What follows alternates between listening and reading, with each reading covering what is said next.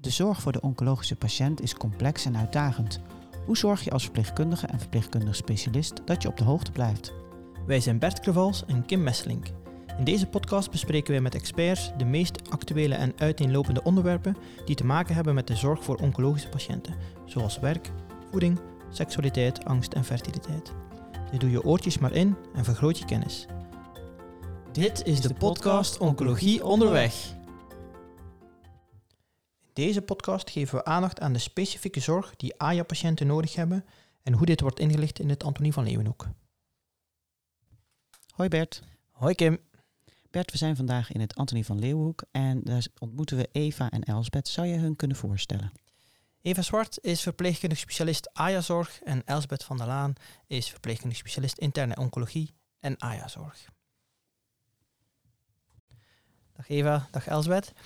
Eva, kun je ons als introductie aangeven hoeveel uh, jongvolwassenen per jaar ongeveer kanker krijgen? Ja, dat zijn ongeveer uh, tussen de 3900 en de 4000 jongvolwassenen die uh, kanker krijgen per jaar. En is er ook een definitie van een jongvolwassene, om dat duidelijk te hebben? De definitie van een AYA eigenlijk. Een AYA staat voor Adolescents en Young Adults. Dat zijn jongvolwassenen in de leeftijd van 18 tot en met 39 jaar, die dus op die leeftijd kanker krijgen. Dus op het moment dat iemand in die leeftijd kanker krijgt, maar bijvoorbeeld 40 of 41-jarige leeftijd uh, zorg nodig heeft, AYA-zorg, dan is dat nog steeds een AYA. En we zijn nog steeds in de inleidende fase. Uh, voordat we tot de echte uh, zorg voor die patiënten komen. Welke kankersoorten komen het vaakst voor bij jongvolwassenen? AJAS, zeg maar? Dus allereerst even te zeggen dat er geen bepaald type is, type AJA-kanker is. Dat heb je bijvoorbeeld als enige misschien wel bij de testustumoren, dus bij de zaadbalkanker bij de mannen. Dat is wel een die meer voorkomt bij de jonge mannen dan bij de ouderen. Maar verder is er geen typerende AJA-tumor. Nou, als je dan bijvoorbeeld kijkt naar de vrouwen, is het dan uh, borstkanker, wat toch ook wel veel voorkomt. Ja, bij de mannen dus testuscarcinoom. en melanomen komen ook bij beide groepen eigenlijk heel veel voor. En hoe verhoudt zich dat tot de kinderen en volwassenen? Nou, als je kijkt naar de kinderen, dan zijn dat ongeveer 600 per jaar nieuwe diagnoses. En als je kijkt bij de oudere volwassenen, dus vanaf 40 en ouder, dan zijn dat er tussen de 110 en 120.000 en meer, zeg maar. En gedragen die tumoren zich ook anders bij jongvolwassenen? Ja, dat zou kunnen. Dat merken ze soms wel, dat een tumor toch op een andere manier reageert op een behandeling bij een jongvolwassene dan bij een oudere patiënt of dan bij een ouder persoon. En ja, dat kan met de tumorkenmerken te maken hebben. Maar een echte, voor zover ik weet, en dan kijk ik geloof ik ook even naar Elsbeth, mijn collega, is daar nog geen duidelijk antwoord op. Nee, dat herken ik wel. Uh, wat je vooral wel ziet, is dat over het algemeen bij bepaalde tumoren die eigenlijk bijna niet bij jongeren voorkomen. Denk aan blaaskanker of prostaatkanker, daar zien we soms ook echt best jonge mensen, dat die vaak een type kanker hebben die eerder slechter reageert op de behandelingen die we nu geven. En dat het sneller gaat, dat mensen sneller door hun behandelingen heen gaan. Ja. Van uh, behandelingen van kinderen met kanker. Voor sommige behandelingen geldt dat die een veel zwaardere kuur krijgen. Zijn er ook specifieke AJA-protocollen die dus een andere, misschien een zwaardere vorm, uh, ik stel het met een vraagteken, van behandeling krijgen dan de 40-plussers? Nee, niet echt een andere behandeling. Wat ik wel merk is dat oncologen en eigenlijk hele behandelteams veel meer op scherp staan als er een jongere is met kanker. En dat je met elkaar soms de neiging hebt om uh, langer door te gaan met behandelingen, meer te geven vanwege die jonge leeftijd. En dat is een valkuil. Daar, daar moet je met z'n allen natuurlijk ook op beducht zijn. Van, voegt dit nu nog iets toe? En dat je ook merkt dat jongeren zelf lastiger vinden om te zeggen we stoppen ermee. Maar dat is niet echt gegeven dat zij een andere behandeling moeten krijgen. En het is dan een karakteristiek eigenlijk dat je ook zegt van ja, we zijn eigenlijk de, de, neiging hebben om langer door te gaan. Zijn er nog andere karakteristieken waar AJA's zich door onderscheiden, die jullie veel tegenkomen in de praktijk? En bedoel je dat dan in behandelingen? Of ja, op andere manieren? Ja, of, ja al, al, eigenlijk alle manieren wat je tegenkomt. Dan komen eigenlijk heel veel karakteristieken naar voren. Wat eigenlijk de AJA-zorg uh, definieert in zijn algemeenheid. Dat die mensen in een andere levensfase zitten. Dus het is eigenlijk leeftijdsspecifieke zorg. We zeggen, je hebt uh, een normale vraag in een abnormale situatie. Dat is echt de slogan uh, van AJA-zorg. En nou ja, als je het in zijn algemeenheid wil zeggen, is dat deze groep mensen totaal geen rekening houdt met het krijgen van kanker. Dat staat zo totaal niet op hun agenda. Dat staat bij niemand op zijn agenda, maar zij denken er helemaal niet aan. Dus ook bij klachten is dat ook de laatste diagnose die zij verwachten. Dus wat maakt dat ze ook later naar een huisarts gaan of ehm, en, maar ook dat bij huisartsen dat er een vertraging kan komen. Dat, zij, uh, dat ook een huisarts daar niet aan denkt. Die ziet natuurlijk ook in zijn hele carrière misschien twee keer een jongere met, uh, met kanker. Dus dat vind ik wel een hele bijzondere karakteristiek. Die ook uh, het, het, behandeltraject heel erg beïnvloedt. En natuurlijk alle andere punten waar we gaandeweg dit gesprek denk ik wel op zullen komen. Is dat wetenschappelijk bewezen dat stellen van die diagnose later gebeurt bij jongvolwassenen dan bij ouderen? ja, daar is, onderzoek naar gedaan en dat merken ze wel. Ja, en dat zie je dus ook, uh, nou wat Elsbeth eigenlijk al vertelde, is dat je en hebt dat de jongvolwassenen later gaan, maar ook vaak minder snel klachten hebben. Hè. Een, een ouder, ouder iemand kan vaker sneller uh, naar een huisarts gaan, is sneller vermoeid. Terwijl een jongvolwassene kan denken, nou ik heb nog een feestje gehad of uh, ik heb een drukke dag gehad. En zal minder snel dan naar een huisarts gaan. En dan merk je ook op het moment dat iemand bij een huisarts is, dat ook vanuit de andere kant dat er inderdaad niet de eerste keer, niet de tweede keer en soms niet de derde keer aan kanker wordt gedacht, waardoor je dus ja, vaker een late diagnose hebt.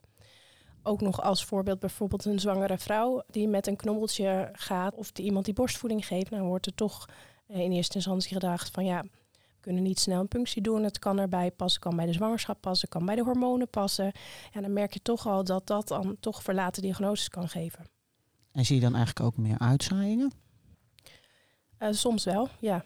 ja. Ik heb daar geen cijfers van, dat weet ik niet. Maar degene die ik dan bij mij op de poli zie, dat zijn uh, ja, toch wel vaak uitzaaiingen. Ja, wat ik wel weer een uh, positieve ontwikkeling vind, is dat, dat er natuurlijk wel echt meer aandacht gegeven wordt. Hè? Als ik dan kijk naar zaadbalkanker, daar, uh, ik zie heel veel jonge mannen die die diagnose hebben. Ik vraag er altijd naar van hoe is het gegaan in de, in de periode, hoe heb je het ontdekt, wanneer ben je naar de huisarts gegaan. En als ik dan kijk met tien jaar geleden, dan gaan zij vaker sneller naar de huisarts. Hebben al, hebben al gegoogeld wat het zou kunnen zijn. En zitten eigenlijk, uh, als zo gauw ze het merken, een, een, een, hardere bal of een grotere bal, zitten ze de volgende dag of de twee dagen later al bij de huisarts. En dat is echt, echt veranderd vergeleken met, uh, nou pak een beetje vijf, zes jaar geleden. Ja, en zit die verandering ook bij de huisarts al?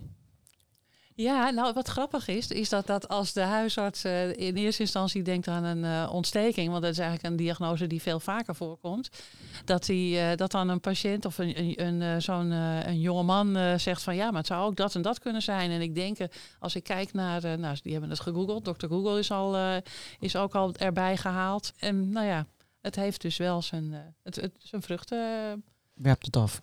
Ja, en ik hoop dat dat ook dus bij de jonge vrouwen gaat gebeuren. Hè. Bij de mannen is dat dus nu wel gelukkig. En ik hoop dat het dus bij vrouwen ook wel uh, gaat gebeuren. Want je merkt daar nog wel dat niet elke vrouw even serieus wordt genomen met de klachten. Ja, ja nee, dat is zeker te hopen. Ja, ja. ja. Jullie gaven het al aan, de AJAS zijn een specifieke, bijzondere doelgroep. Uh, dat heeft ook te maken met de levensfase waarin ze, ze zitten. Het is niet zo dat uh, op het moment dat je 19 bent, dat je meteen volwassen bent en uh, heel volwassen door het leven gaat. Het is echt een levensfase. Is jullie AJA-poli daar ook specifiek op ingericht, op die levensfase en op hun leefwereld? AJA-zorg aan zich is gewoon heel patiëntgericht. Dus of iemand 19 is of 39 is, kijk, met al hun vragen kunnen ze terecht. Die leeftijdsspecifieke vragen die er spelen. Maar het is best zo dat hè, iemand die 18 of 19 is, die bij mij op de poli komt, die meer zoiets heeft van hè, waar bijvoorbeeld de grootste vraag is: kan ik nog wel feesten of kan ik nog wel leuke dingen doen? Terwijl iemand van 39 of 38 of nou ja, noem maar op, denkt van ja, hoe zit het dan met kinderen of hoe zit het dan met een huis kopen? En zijn er echt heel specifieke ontwikkelingsgebieden waar je dan op inspeelt? Wat bedoel je daarbij? Nou ja, er zijn echt ontwikkelingen. Want ik, dit is natuurlijk wel iets wat we altijd vaker verkondigen. En dan uh, zie ik verpleegkundigen een beetje glazig kijken van, oh ja, wat hoort er dan allemaal bij deze ontwikkelingsfase? Kun je daar voorbeelden van geven? Um, wat er hoort precies bij de ontwikkelingsfase? Nou, denkend dus aan bijvoorbeeld studie. Dat iemand denkt van, ja, wat moet ik nu? Hoe pak ik dat nou aan? Wie kan mij daarbij helpen? Maar ook stel dat iemand tijdelijk stopt met de studie. Hoe kan iemand dan weer terugkomen naar de studie toe?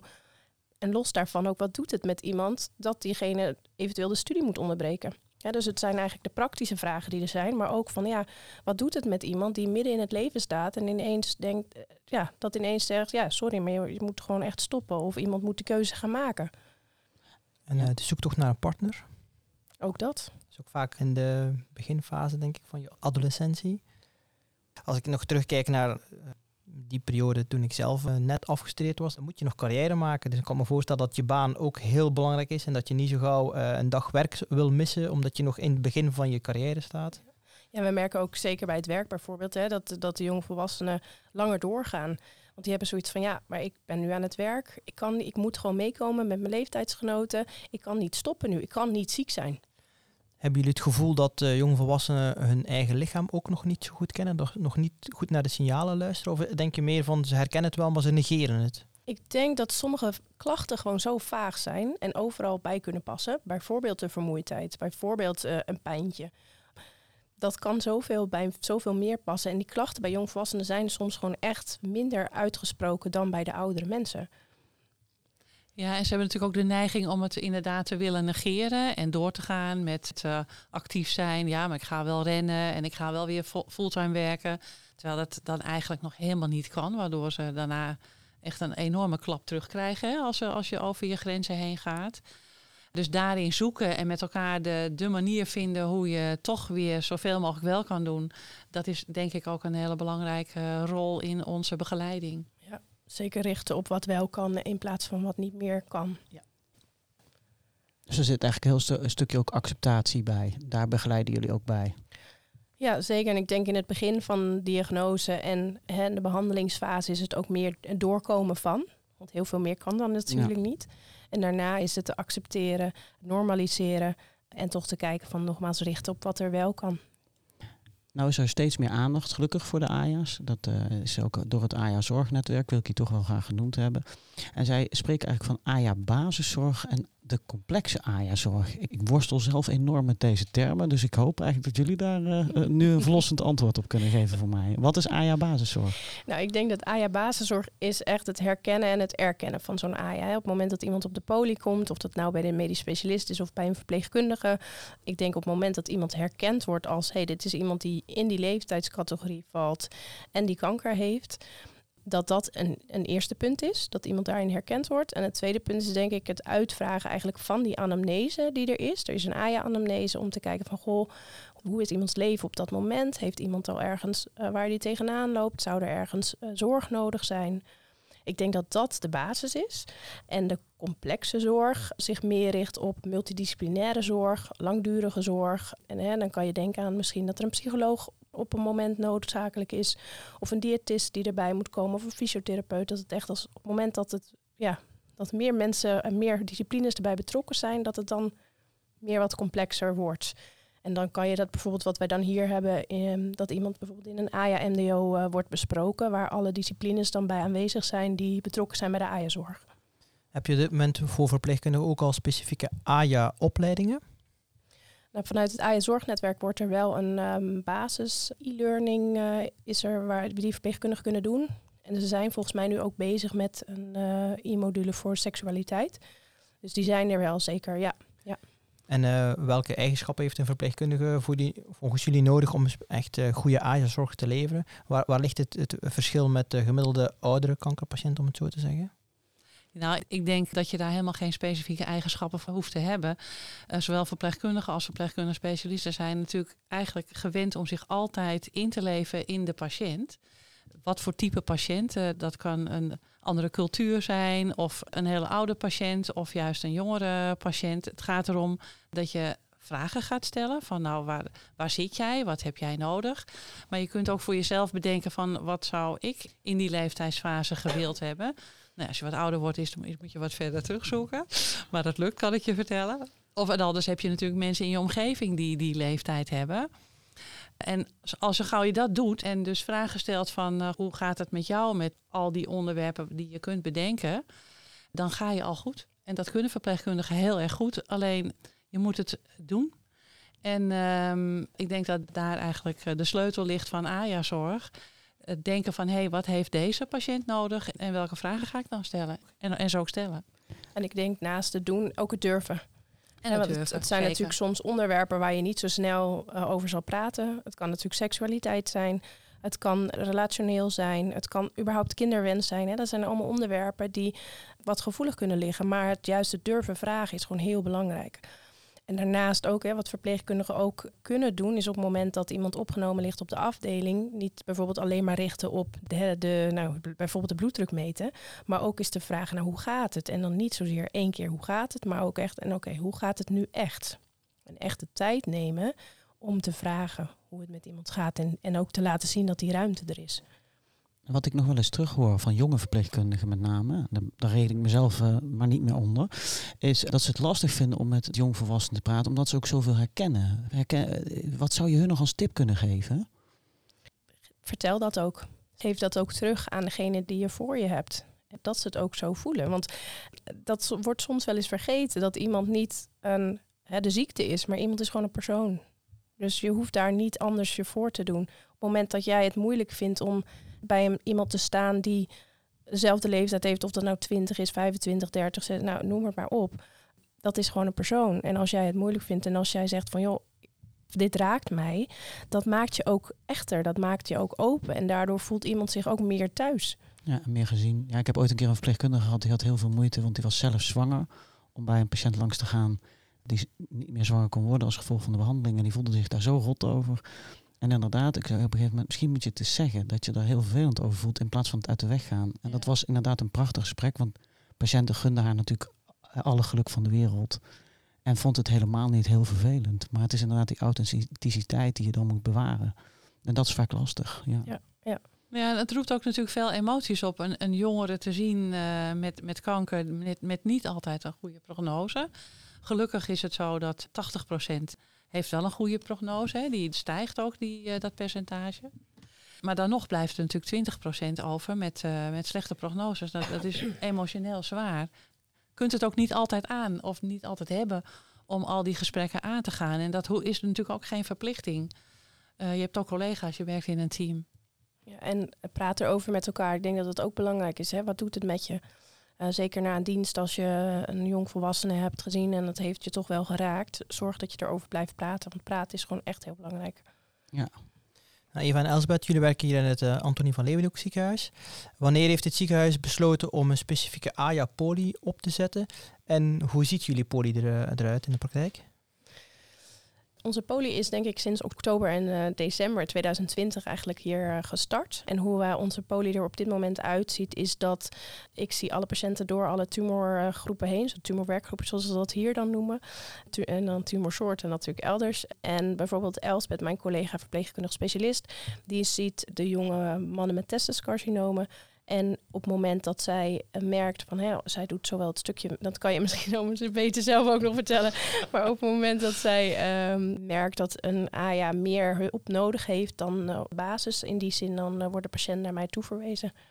En heb je het gevoel dat je de meeste hulp zelf kan bieden? Of verwijs je nog wel eens door naar een psycholoog bijvoorbeeld? Ik zie het echt als een team. Wij hebben echt een, het zorgteam is eigenlijk gewoon al onze collega's. We hebben de psychologen waar we mee samenwerken, medisch maatschappelijk werk, ondersteuningsconsulenten, diëtisten, fysiotherapie, noem het maar op. Dat is eigenlijk iedereen valt bij ons onder het zorgteam. Hè. Hetzelfde als onze collega verpleegkundig specialisten. Ik ben niet opgeleid tot psycholoog bijvoorbeeld. Dus als ik merk van iemand heeft echt iets waarin hè, het dagelijks leven dusdanig beïnvloed wordt dat daar een behandeling voor nodig is, ja, dan verwijs ik door. Je gaf al aan dat als een patiënt 41 of 42 is en in het verleden behandeld is voor een AYA-kanker, zeg maar, dat hij ook nog altijd AYA-zorg kan eh, gebruiken. Is daar een specifieke nazorgpolie voor opgericht? De later polie zoals we wel kennen bij de kinderen. Heeft die die naam of eh, valt het onder de reguliere zorg bij jullie? Nee, we hebben geen eh, later poli inderdaad. Nee, denk daar is wel veel wens toe. Wens voor eigenlijk, maar helaas is die er nog niet. En ja, wat het echt is op het moment dat iemand dus nog wel leeftijdsspecifieke vragen of levensfasevragen heeft. Als iemand bijvoorbeeld 42 is, dus denk aan iemand heeft een jong gezin oh, of iemand wil een huis kopen. En dat soort vragen, dat kan natuurlijk, en dat kan zeker op een AYA-poli. Eh, je vertelde net van, hey, kan patiënten doorverwezen vanuit Elsbeth. Kunnen mensen jou ook zelf benaderen? Kunnen patiënten jou zelf benaderen met vragen? Ja, patiënten kunnen mij uh, zelf benaderen, die kunnen mij uh, mailen, uh, maar die kunnen bijvoorbeeld ook een verwijzing via of gewoon een verpleegkundige bij ons op de afdeling krijgen of met de medische specialisten of verpleegkundige specialisten. Maar op het moment dat iemand hier bij ons onder behandeling is, dan en die vindt het vervelend of vindt het een drempel om dat via nou ja, een specialist te doen, dan kunnen zij ook direct mij contacten. Ja. Nou, we merken dat we nou langzaamaan door de bekendheid veel aanmeldingen krijgen. En we zijn op dit moment ook bezig om ons AYA-team uit te breiden. Zoals ik dus uh, tumorgerichte AYA's uh, zie. Dat kan ik combineren met, uh, met de controles. Kan ik meteen AYA-zorg geven. Dus ik kan eigenlijk per controle kan ik onderdelen kan ik bespreken. Dat, dat vind ik zelf een hele mooie manier van AYA-zorg geven. En dat willen we eigenlijk bij alle groepen doen. Alle tumorgroepen die meer AYA zien. Dat eigenlijk in alle tumorgroepen, zoals bij de mamazorg en bij de gynaecologie dat daar dedicated uh, verpleegkundige specialisten komen die, uh, die AJA-zorg bieden. Zodat we eigenlijk met een groot team de basiszorg kunnen geven. Langzaamaan steeds meer leren. Uh, dat we dan ook met elkaar intervisie kunnen doen. Ja, waar we eigenlijk continu ook mee bezig zijn met het scholen van de verpleegkundigen van de afdelingen. En daar willen we ook nog veel meer mee gaan doen. Die diagnose is natuurlijk een vreselijk moment voor jongvolwassenen. Het moment dat je hoort dat je kanker hebt welke tips geven jullie aan die patiënten om daarmee om te gaan? In eerste instantie vertel ik wel van hé, hoe is dat, hoe je dat ervaart. Vaak merk je op het moment dat je de diagnose krijgt, dan kan het voelen alsof de grond onder je weg zakt. En dat je niet meer weet wat er gebeurt. En vaak zie je eigenlijk dat er een knop omgaat op het moment dat iemand de behandeling ingaat. En dan, gaat er, dan gaan ze gewoon. En dan merk je op het moment dat de behandeling, als dat klaar is of er is meer zicht, dat er meer ruimte komt in het hoofd ook. En dat dan vaak wat meer emoties komen um, meer ruimte komt ook om na te denken over wat er gebeurd is. Hè. Er komt meer ruimte ook in de agenda, want het ziekenhuis bepaalt niet meer de agenda. Wat ik vaak ook als tip meegeef, is juist die periode ertussenin. Kan het soms zijn dat AJA zoiets hebben van ja, ik ervaar helemaal niet, ik voel het niet, ik merk niet dat ik ziek ben. Terwijl de omgeving zoiets heeft van ja, maar je moet toch ziek zijn, je moet toch boos zijn, je moet nog verdrietig zijn. En zij hebben dan zoiets van, moet ik dat dan voelen? En dan zeg ik nee, dat hoeft helemaal niet. Want jij voelt wat jij nu ervaart dat is goed. Of je nou boos bent of niet, of je je verdrietig voelt of niet, alles is oké wat je ervaart. En vaak is het het normaliseren ervan. Dat ze, ook al voelt het heel alleen, dat ze niet alleen zijn. En dat ze er doorheen gaan komen. Um, en uh, ja, heel veel extra tips heb ik niet. Maar het is echt het samen er doorheen komen. Ja, dat is echt erkennen, hè, wat je al zei. Dat zeg ik waar je mee begon. En wat uh, zijn de, is de meerwaarde van lotgenoten? Want je zegt, oh, je bent niet alleen. Wat vind jij de meerwaarde van lotgenoten? Ik denk dat lotgenoten ook helpen erkennen. Die helpen natuurlijk ook om te kijken van hoe ga je nou met bepaalde situaties om? Hoe heb je nou bepaalde dingen geregeld? Ook qua praktisch, maar natuurlijk ook hoe ga je met je familie om, met je partner. Um, dat kan lotgenotencontact kan daar heel erg in helpen. En wat ik wel merk is dat het soms wel afhankelijk is van welke fase iemand in zit of iemand daar wat aan heeft of niet omdat soms iemand veel verder kan zijn dan iemand anders. Eh, en dat kan juist soms ja, tegenwerken. Hetzelfde geldt voor, als even als voorbeeld zijn, bijvoorbeeld social media. Ik zeg, als je daarop wil kijken, dan moet het je helpen. op het moment dat je bijvoorbeeld kijkt naar een Facebook of een, of een, uh, een Instagram, ja, dan worden of juist dingen heel veel slechter geschetst. Het is makkelijker om wat negatief aan te geven. En het Instagram is heel makkelijk om daar letterlijk een filter op te zetten kunnen mensen zich meer voordoen alsof hè, dat het beter gaat dan het is. Nou ja, en dat als ze dat willen, dat is prima. Maar op het moment dat iemand daar kijkt en daar ongelukkig van wordt, of verdrietig van wordt, dan zeg ik ja, kijk er dan niet naar. Doe dat dan niet. Veel jongvolwassenen zitten ook in de fleur van hun leven, om, om het zo te zeggen. Die hebben ook vaak het gevoel van on onoverwinnelijkheid, heb ik wel eens gelezen. Hebben jullie ook het idee dat zij zich moeilijker kunnen neerleggen als ze uitbehandeld zijn of als ze niet meer beter gaan worden? Ja, zeker. Dat is natuurlijk ook heel lastig, helemaal als je ook nog jonge kinderen hebt. Of uh, je, je, bent echt je leven aan het opbouwen. En, uh, en dan in ene, dan is dat niet meer zo. Dus uh, en is het, ga je zelfs de andere kant op. En dat, dat is echt absoluut heel ingewikkeld. Ja. Geven jullie dan hen dan ook mee van denk erover na, want de, kans dat je beter wordt is heel klein. Laat iets na voor je kinderen of zo. Uh, is dat iets waar jullie aandacht aan besteden? Om, om hen daarin te helpen van uh, de kans dat je beter wordt is heel klein. Bereid je voor dat je iets voor je, ja, voor je nabestaanden nalaat? Ja, nee, nee, zeker natuurlijk hebben we daar, of natuurlijk, maar daar hebben we zeker aandacht voor. Waarbij er ook natuurlijk daarin enorm veel verschil is tussen de, de mensen. De, de een die uh, is daartoe in staat, is daar rustig onder. Maar de, er zijn ook mensen die totaal in paniek zijn en dat uh, echt niet voor elkaar krijgen. Dus dan kunnen wij wel met onze goede plannen komen. Maar dan sluit je dus niet aan bij de patiënt. Hoe jammer je dat zelf dan ook vindt. Dat zijn ook dingen die we moeten accepteren. Ja. Ik geef nog wel eens een tip. Uh, maak een e-mailadres aan voor je kinderen. En stuur daar gewoon elke dag eens een berichtje op. En dan hoeft het niet zo te zijn als iemand uh, met het oog op iemand gaat overlijden. Ik, ik, geef dat ook aan bij AIA's die op dit moment uh, de diagnose hebben gekregen. Maak een e-mailadres aan voor je kinderen. Vertel eens wat leuks. Het hoeft niet allemaal het slechte te zijn. Maar stuur er eens foto's toe. En dat is ook leuk als een kind 18 wordt. Om later, of, of nou ja, welke leeftijd dan ook om te kijken. En dat helpt soms wel eens om, om dat dan op die manier te doen. Dat het niet iets is van, nou, dit is bijvoorbeeld, hè, en ja. ja. dit is een filmpje of voor later of iets. Nee, zeker niet. Een afscheidsbrief, ja. Precies, een afscheidsbrief of een afscheidsdoos. Dit kan nog wel helpen als tip. En als je voor de verpleegkundigen die met de AJA basiszorg, wat, uh, we hadden het al gehad over authenticiteit. En wat is nog meer een tip die je hun kunt geven om goede AJA basiszorg te verlenen? Nou, weet dat iedereen het uiteindelijk kan. Want wat wij natuurlijk in het begin heel erg merkten, is toen wij hier starten, is iedereen werd doorverwezen.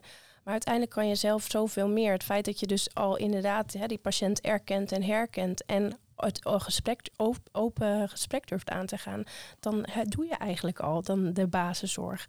En wat het AJA-zorg maakt, is natuurlijk omdat het leeftijdsspecifieker is. Hè. Het kunnen andere onderwerpen zijn. Maar al dat is, kan al voldoende zijn.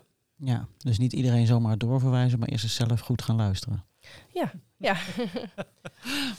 Als er um, nog iets zou zijn wat je zou willen verbeteren, of wat jullie zouden willen verbeteren voor AJAS, wat zou dat dan zijn? Wat is er nu nog niet waarvan je denkt van ja, daar zou de AJAS echt wel baat bij hebben? Nou, ik denk AJA-zorg aan zich, hè, op die benaming is natuurlijk nog niet zo heel lang bestaat het. Ik denk nu een jaar of tien, misschien iets meer. Maar je merkt eigenlijk nu pas dat er een beweging in komt. En dat is al heel belangrijk. Ik denk dat awareness heel belangrijk is, de zichtbaarheid heel belangrijk is. Maar ook dat we op een gegeven moment, en dat is natuurlijk wel heel groot, zeg ik, maar in, hè, in Nederland naar de overheid zijn te kijken van goh, wat hebben jonge mensen nodig? En misschien niet alleen jonge mensen die kanker hebben, maar überhaupt jonge mensen die ziek worden. Wat hebben die eigenlijk nodig op het moment dat die ziek worden? Of weer beter worden of nooit meer beter worden?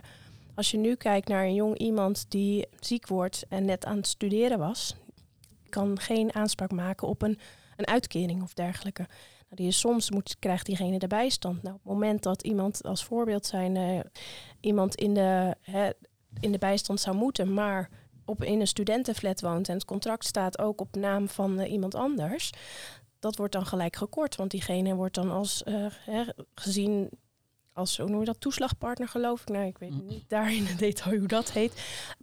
Maar dan ben je dus jong dan ben je nou ja, klaar met studie of je bent nog bezig. Je wordt ziek en je hebt niks om op terug te vallen. want niet iedere AJA kan terug naar de ouders. Niet iedere AJA heeft ouders überhaupt of ouders die geld hebben die kunnen ondersteunen. En dus het is natuurlijk heel groot voor mij, maar dat is één stap in ieder geval die ook gezet moet worden. Hebben jullie het gevoel dat er voldoende wetenschappelijk onderzoek gedaan wordt, specifiek naar AJAS toe, met hun behoeften, zeg maar? Want die verschilt natuurlijk, zoals we het hier uh, het voorbije half uur besproken hebben, wel wezenlijk van uh, de oudere patiënt met kanker. Ja, nou, er zijn gelukkig uh, steeds meer onderzoeken ook. Uh, bijvoorbeeld, er is nu een groot onderzoek op de, de Compraya-studie onder andere, waarbij ze dus onder tien jaar lang iemand volgen en dan kijken ze naast de kwaliteit van leven ook onder andere naar het bloed. Ze kijken naar ontlasting, zit daar een verandering in, maar ze kijken dus ook naar wat heeft iemand nodig. Steeds meer, wat ik zeg, er zijn steeds meer onderzoeken uh, naar de jongvolwassenen toe en waar de noodzaak ligt. En ook naar uh, de behandeling wat er nodig is. Ja, want ik denk uh, als je het hebt over dromen, dat er ook nog wel meer uh, medisch wetenschappelijk onderzoek gedaan zou kunnen worden naar die leeftijdsgroep. Inderdaad, zijn er verschillen uh, in behandelingen die je beter zou kunnen aanpassen omdat het een uh, jonger iemand is. En daarvoor zijn die groepen best wel klein. Dus dat is lastig, maar dat zou naar mijn idee ook goed zijn. En het contact, we hadden het net al over patiëntencontact. Zorgen dat iedereen weet van de community. Dat er toch meer mogelijkheid is om elkaar te ontmoeten. Dat iedereen daarvan op de hoogte is. En, uh, en natuurlijk de lounge uh, die in diverse ziekenhuizen zijn. waar AJA's elkaar kunnen ontmoeten. Dat, nou, bij ons ziekenhuis hebben we er ook wel één in het AVL, maar dat, dat zou nog wel iets specifieker mogen. En um, ik denk dat dat uh, mooi zou zijn als daar ook nog wat aandacht uh, voor is. Ja. ja, en inderdaad, je zegt van nou ja, dat lotgenotencontact. Je hebt bijvoorbeeld de Stichting Jongeren en Kanker. Precies, die ja. um, ja. op uh, laagdrempelige manier eigenlijk ja, nou ja, toch leuke dingen doen, maar waar je wel jezelf kan zijn. En daar hoef je het niet altijd te hebben over ziek zijn. Dan kan je ook gewoon jezelf zijn. Op het moment dat je moe bent, dan snapt iedereen het. En zo heb je volgens mij ook de powder days en, uh, en nog wel meer. Maar uh, ja, dat is wel belangrijk als verpleegkundige zijn om daar ook te op te kunnen wijzen. Kim, je werkt ook in, als verpleegkundige op de AJA-poli in het Radboud. Heb jij nog verbeterpunten? Ja, ik heb één groot verbeterpunt en dan uh, roep ik op naar Rutte. Of een opvolger, opvolgster van Rutte. Laten we hopen dat het een keer een vrouw wordt. Um, dat deze zorg ook echt gefinancierd moet gaan worden. Want er is nu geen aparte DBC uh, voor. Dus elk ziekenhuis die AJA-zorg levert, en dat zijn er gelukkig steeds meer, betalen dit eigenlijk ja, uit hun eigen zak. Um, dat is soms niet voldoende. En ik begrijp ook dat dat voor ziekenhuizen niet te doen is. Dus er moet gewoon aparte DBC voor deze zorg komen. Dan moet ik, ga ik wel aanvullen, want gelukkig gaat er wat komen. Ja, dus ja. ik ben heel benieuwd hoe dat uh, gaat vormgeven. Maar ik denk zeker dat het een hele belangrijke is. Ja. ja. Nou, we houden de ontwikkelingen in de gaten. Eva, Asbeth, Kim, heel erg bedankt voor het uh, gesprek. Jullie ook bedankt. Dank voor het luisteren naar onze podcast. Vond je deze podcast interessant? Luister dan ook de andere afleveringen en raad hem aan bij je collega's. Heb je zelf een goed idee voor een onderwerp? Of wil je dat we een keer bij jou langskomen? Neem dan contact op via de website www.servier.nl.